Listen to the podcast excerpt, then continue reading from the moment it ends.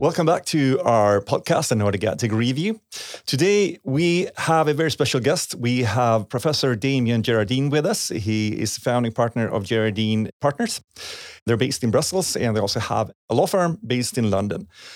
This is an interesting guest. He's a practitioner, he's an uh, academic, he uh, is a specialist within competition law. And uh, today we'll speak about the ad tech ecosystem, the regulatory developments that's ongoing. We'll address parts of competition law that involves ad tech. Also, the growing tensions between competition and privacy, how that plays out, very much related to the larger companies within the space. And also what to expect in the future, what's going to happen in the next few years when it comes to these kind of things. It's an interesting episode, so please enjoy.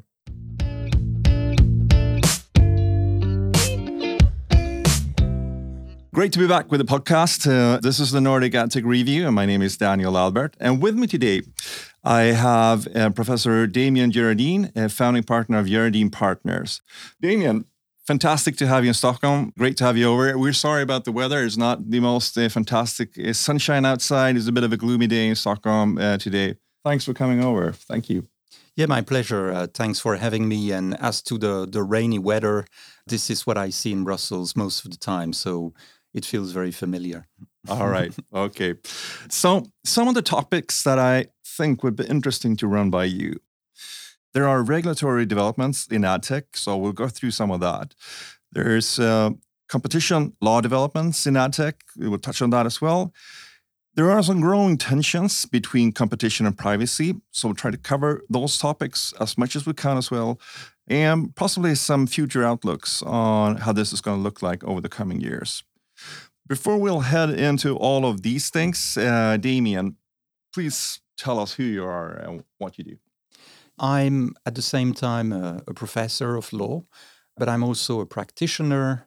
I worked in large American law firms for 20 years, and then eight years ago, I decided to open my own law firm, which has offices in Brussels, in London, and we focus on big tech. We represent publishers of all kind, news publishers, broadcasters, providers of uh, streaming services. And essentially, we represent them when they face issues with the big gatekeepers such as Google, Facebook, Amazon, and, and Apple.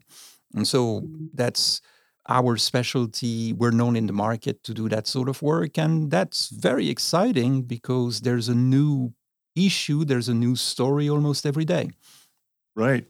And those clients of yours, is that primarily European clients or do you find them across the Atlantic in the US? No, it's it's a mix of European and American clients. These are typically fairly large companies. I mean, Fortune 100 companies.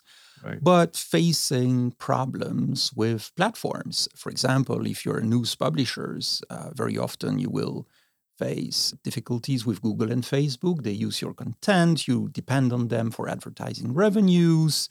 If you're a streaming platform, you're very dependent on the Apple and Google mobile ecosystem. So, once again, that can create friction. If you're selling tech equipment on Amazon, that may raise issues as well. So, our clients are essentially Americans, UK, but we've got European clients as well. And so that's a very interesting mix. Right. Okay. So, what made you interested in that technology? What happened there? What draw you to that business? What did you see as challenges there? I got involved in ad tech about four years ago, and right. it came from a request from some large publishers. And they basically told me, look, this market doesn't function well. We don't know whether we are undercompensated or not. We don't know if we pay too many fees. Would you look into that? And I must say that from all the tech markets I've looked into, ad tech was certainly the most complex and most likely the most opaque, mm-hmm. right? So it took a lot of time to get up to speed, but fortunately, I had very patient clients and well resourced clients. And then we decided to raise awareness of the problems uh, with competition authorities. We went to European Commission, they were not terribly interested and they were busy. And then we went to the French Competition Authority because they had written a sort of market study on ad tech and uh, they seemed to be very well informed and they liked the case and they basically decided to investigate Google. And since then, I've been involved in pretty much all proceedings against Google because there are not that many lawyers that understand ad tech. Interesting. Yeah. I think from our end, we tend to spend much more time on legal issues now than we did a few years ago. Sure. So, and that is uh, something that we, for every client that we have, almost uh, there's this conversation that we need to run through. So, hopefully we gain some knowledge on our end as well to, to, to, make that process go a bit smoother. Anyway, there's a recent piece of regulation, the DMA, the Digital Market Act, that was passed into law by the European Parliament Commission September 14th, if I uh, have the correct information here, and will be applicable from Q2 23. So, what is the DMA? And just briefly, and, we'll, and please uh, explain this to us a bit better. But briefly, DMA is uh, EU regulation that aims to make the digital economy fairer and more contestable. So, the regulation proposed by the European Commission in December 2020 was signed into law by the European Parliament and the Council in September 2022. So, briefly, first, what are the roles of the EU Commission, the Parliament, and the Council here? Yeah, so I think the first thing to understand is that the philosophy of large platforms, and it's generally the Silicon Valley philosophy, is to say, let's move fast and break things, right? Yeah. And for 15 years, they were allowed to do that, right? Unconstrained, which is true in ad tech. It, it's, it's largely an unregulated market. Now, of course, that helped them to innovate and come up with great products mm-hmm. um, and services but it also created some friction. And the tool of choice for a long time was competition law. And as you know, the European Commission uh, has adopted decisions against Google yep. and it's investigating Apple and Amazon and Facebook. The national competition authorities are doing the same. But competition law is not the best tool because it's very slow right? I mean, it takes many years because right. uh, competition authorities have the burden of proof. And then when they adopt a decision, it's appealed and appealed again. So in Brussels, people started to think we need something different. We need an instrument that is faster and more powerful and more agile as well. And so the idea was to come up with the DMA. What is really interesting with the DMA is that the proposal was made by the European Commission in December 2020. And typically, when you have a, a, a, regulatory proposal, then it gets diluted because the lobbyists, you know, will will get involved. And yes. in this case, it went the opposite way, mm-hmm. which is that the final text is stricter than the initial proposal. Yes. And. I talked to a lot of MEPs and officials from the national governments about the DMA, and they wanted it to be stricter. Right. There was a big demand in France, in Germany, but also within the European Parliament for strict regulation. And I think it may be to a number of factors frustration, mm-hmm. because you've got companies that are so large that to some extent they can be more powerful than governments. Right. Right? They're not paying a lot of taxes in Europe. When they were subject to investigation. They made these investigations last forever and then they're appealing. Yeah. So I think they created some antagonism within mm-hmm. the sort of Brussels community and the DMA is a result of that. Now, regulations in the European Union are proposed by the Commission. Right. And they're approved by the Council of Ministers, which is right. made of the ministers of the different member states and the parliament. Right. So now the regulation has been adopted. It's actually entering into force on the 1st of November. And then, you know, there will be a period to designate gatekeepers. And then these gatekeepers that have been designated need to comply with the DMA by March 2024. Right. So they need to have some time mm-hmm. to comply. Yeah, and time is an issue here. Time is an issue, I agree.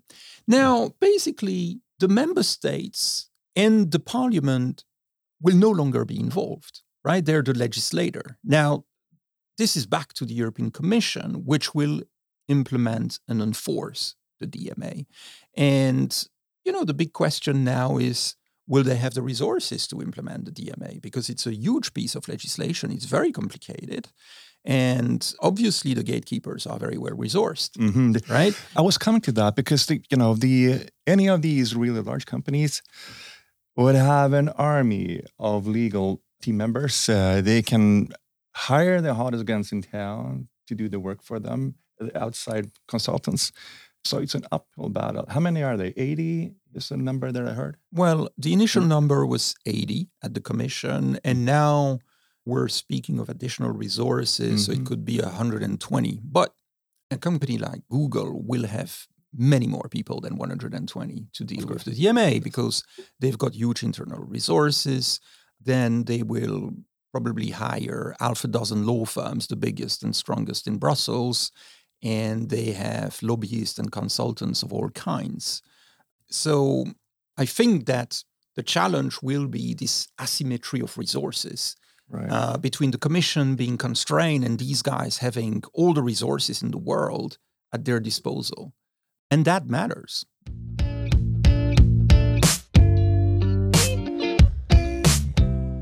Obviously, the European Parliament and all the authorities should be very, very strong counterpart here.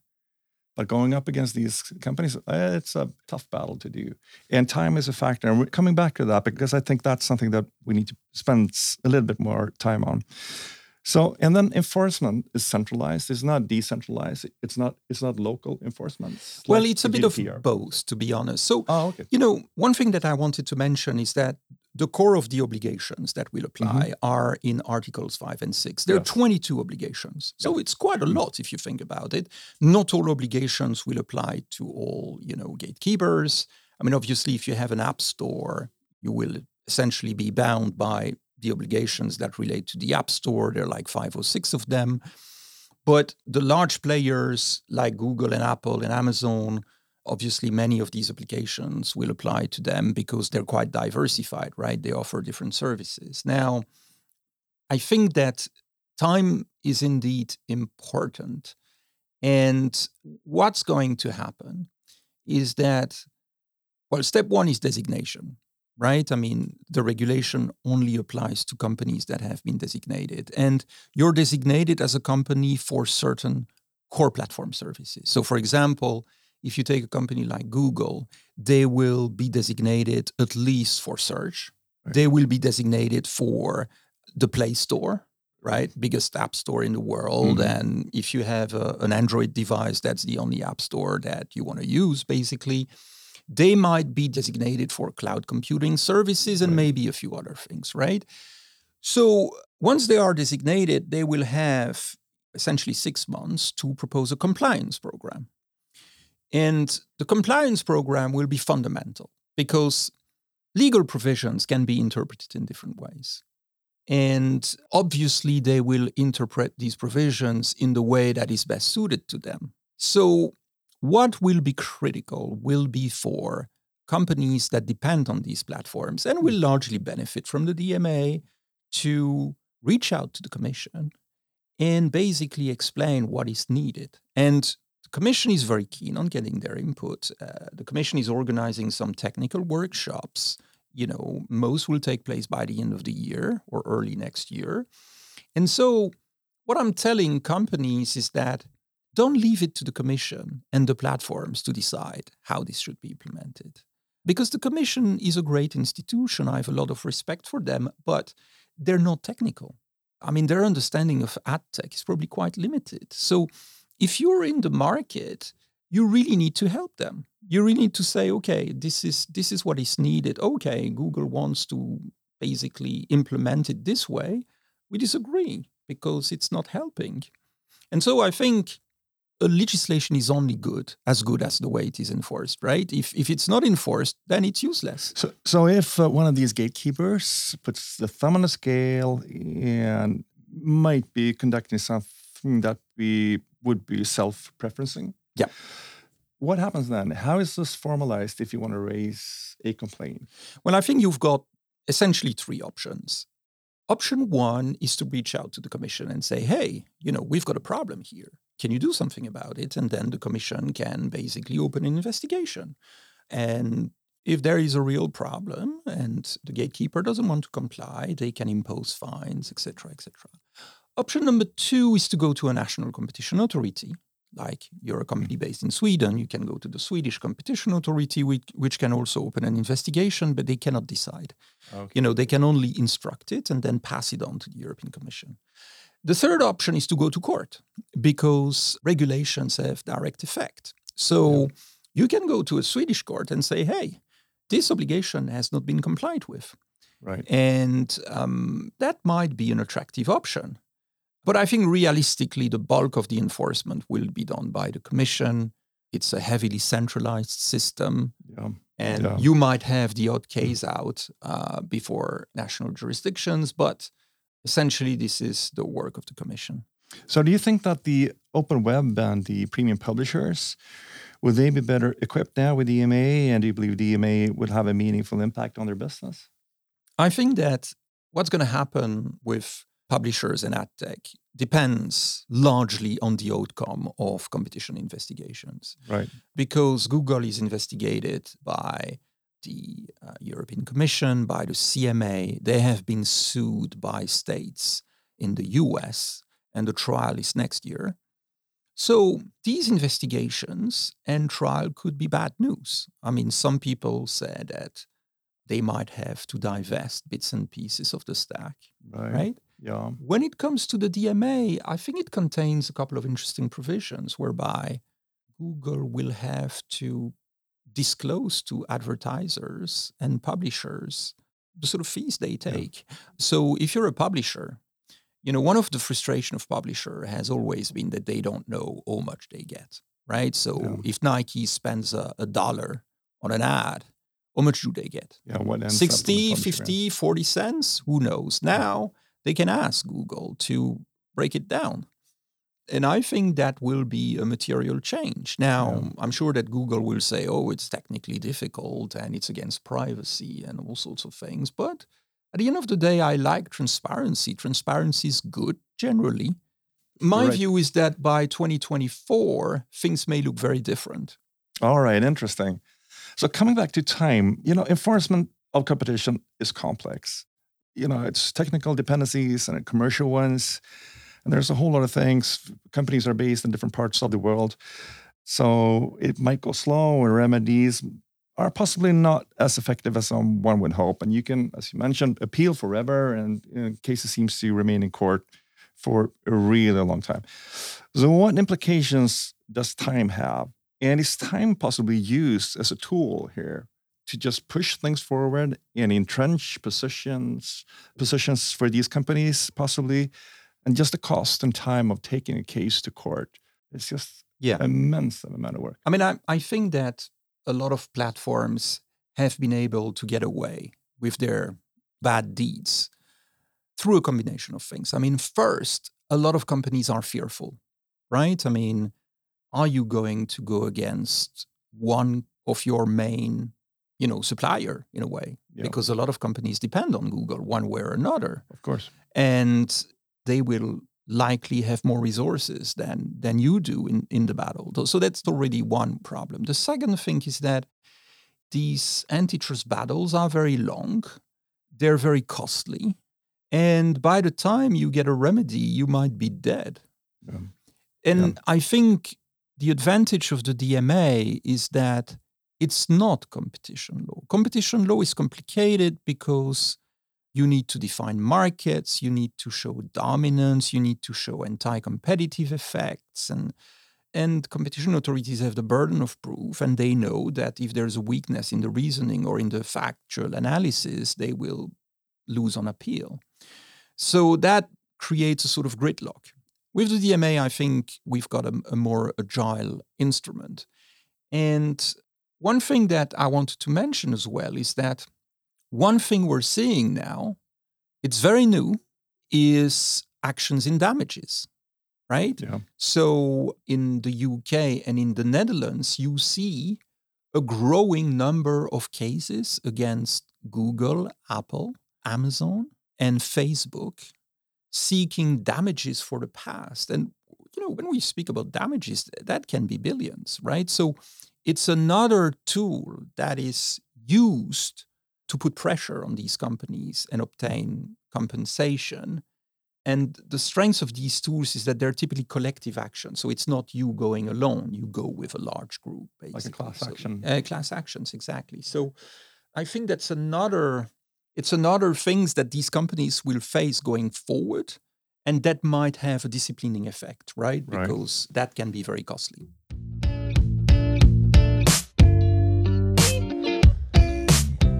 there are obviously many nuances to this. So there's a conflict between competition and privacy.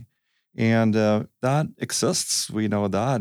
Companies need rules when you sign up to their for example the app store. But how does this work, and where do we draw the line here to find the sweet spot of privacy and allow for competition? Yeah, that's a complicated issue. And I remember the time when the GDPR was negotiated, and there was this idea that it will constrain the worst excesses of Google and Facebook in terms of surveillance and these sort of things. Well, it didn't happen. And I think it didn't happen because the GDPR has major flaws. I mean, one, it relies on consent, and people give consent. I do give consent. Even if I don't want to give consent, I do give consent, and I'm sure you do too, right? Because you don't have the time to read the privacy policy in detail. And you know, every day, if you browse the internet, you will see 10 pop-up windows asking you whether you're okay, and you will say yes. Yeah right? So we all know about those. Yeah, exactly. So this idea of consent is ridiculous because people don't know, and even if they know, they don't have the time to right. consent in an informed manner. So I think that a better way would be for regulators to decide what is acceptable or not, basically.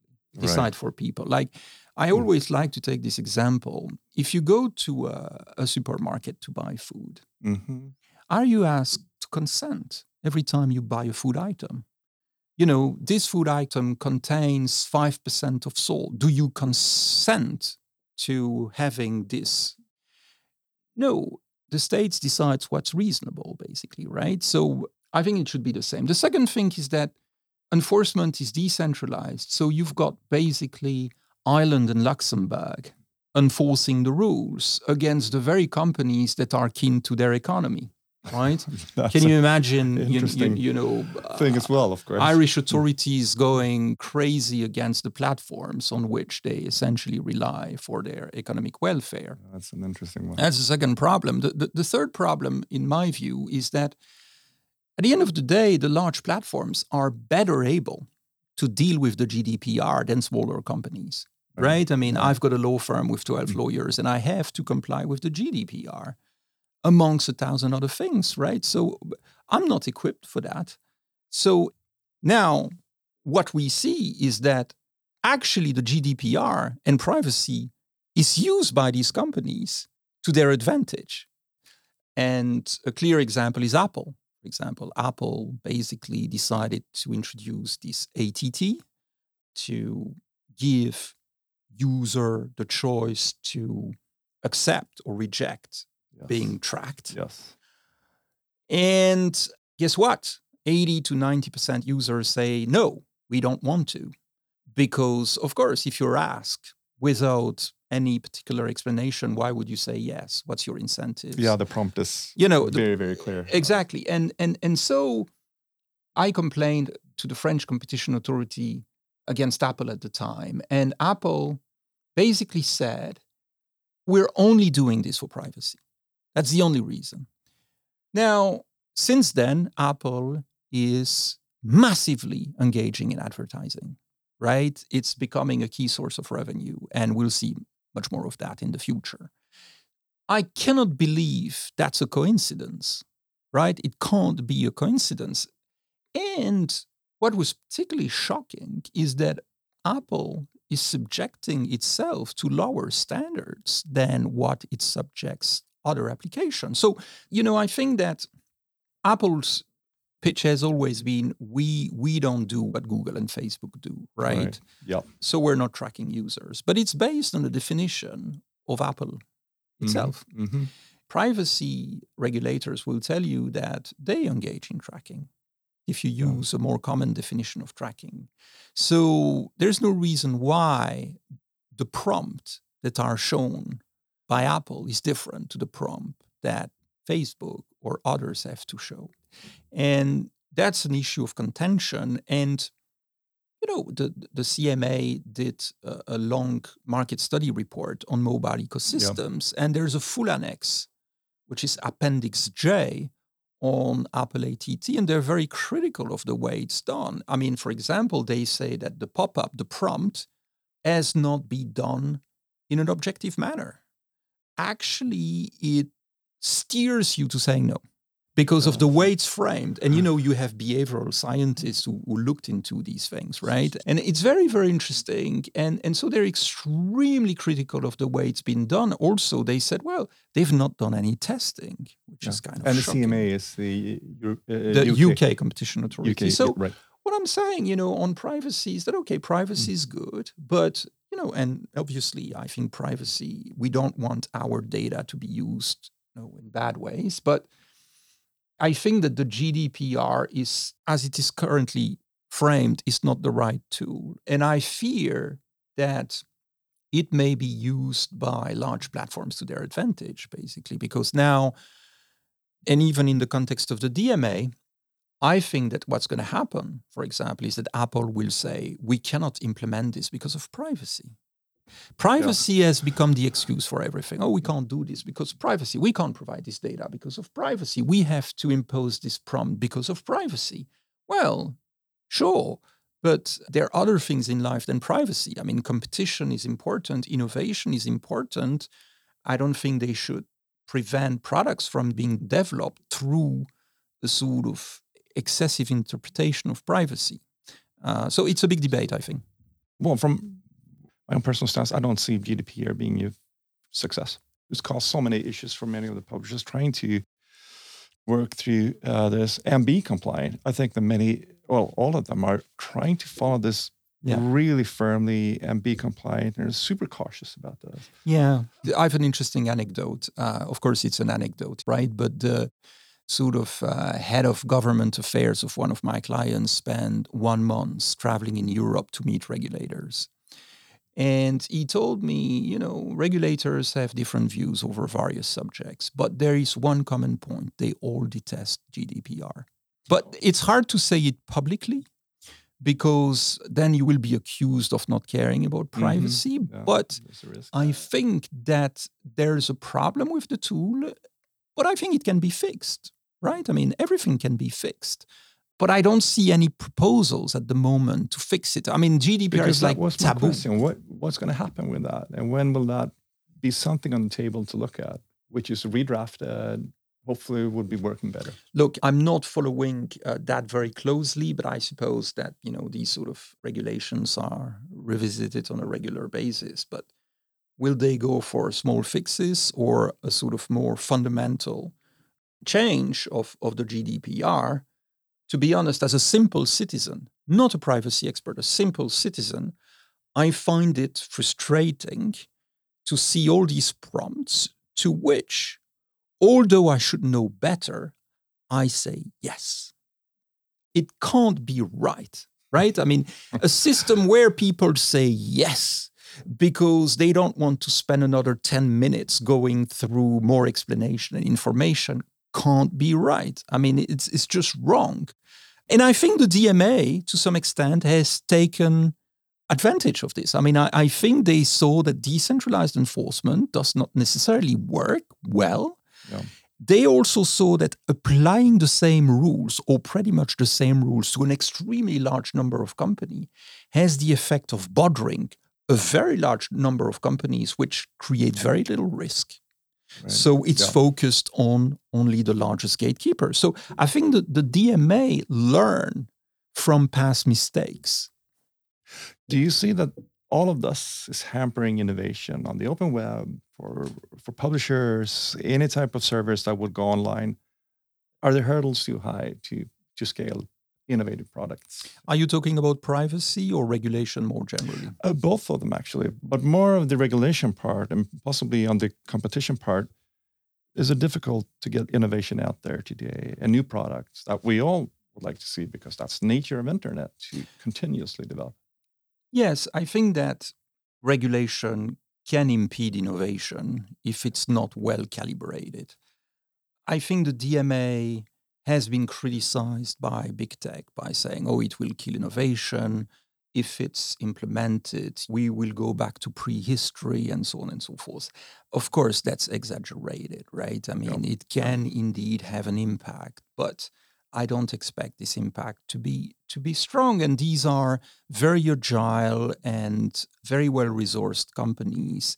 They will adapt and in a positive way, I think. I, th- I, think the GDPR possibly brought some benefits, and that was that we saw a whole bunch of new generation companies entering this space. Yeah. Due to that, there was this new law passed 2018, and uh, that created room for yeah new companies, new businesses, uh, interesting innovation. Absolutely, and I think that will be true of the DMA as well. Now, I think that we should not mix different things regulation can have an impact on innovation at the margin. But yeah. innovation and whether a country has startups and unicorns depends on a range of other things from the availability of venture capital, from access to world leading universities, from taxation, yeah. uh, and so on and so forth. And I think the, the European Union should do more, right? Mm. I mean, we've got some very good universities in the European Union. And look, if I was 25 years old and a software engineer, it's not a given I would go and live in the Silicon Valley. Oh. It's extremely expensive. it's a sort of place. I, have been to the Silicon Valley many times, but to be honest, there are many places in Europe where I would see myself rather than the Silicon Valley. So I think we've got advantages. I mean, we remain uh, an extremely free, tolerant society. Generally, most governments are doing a, a decent job. And so I think we should do better on the innovation front. And it has nothing to do with regulation, it has to do with everything else. Yeah. All right. Thank you. So, Professor Damien Geradin, founder of Geradin Partners, thank you so much. It's been a pleasure having you over here. Thank you so much for having me. Pleasure to talk to you. Thank you. Thank you so much.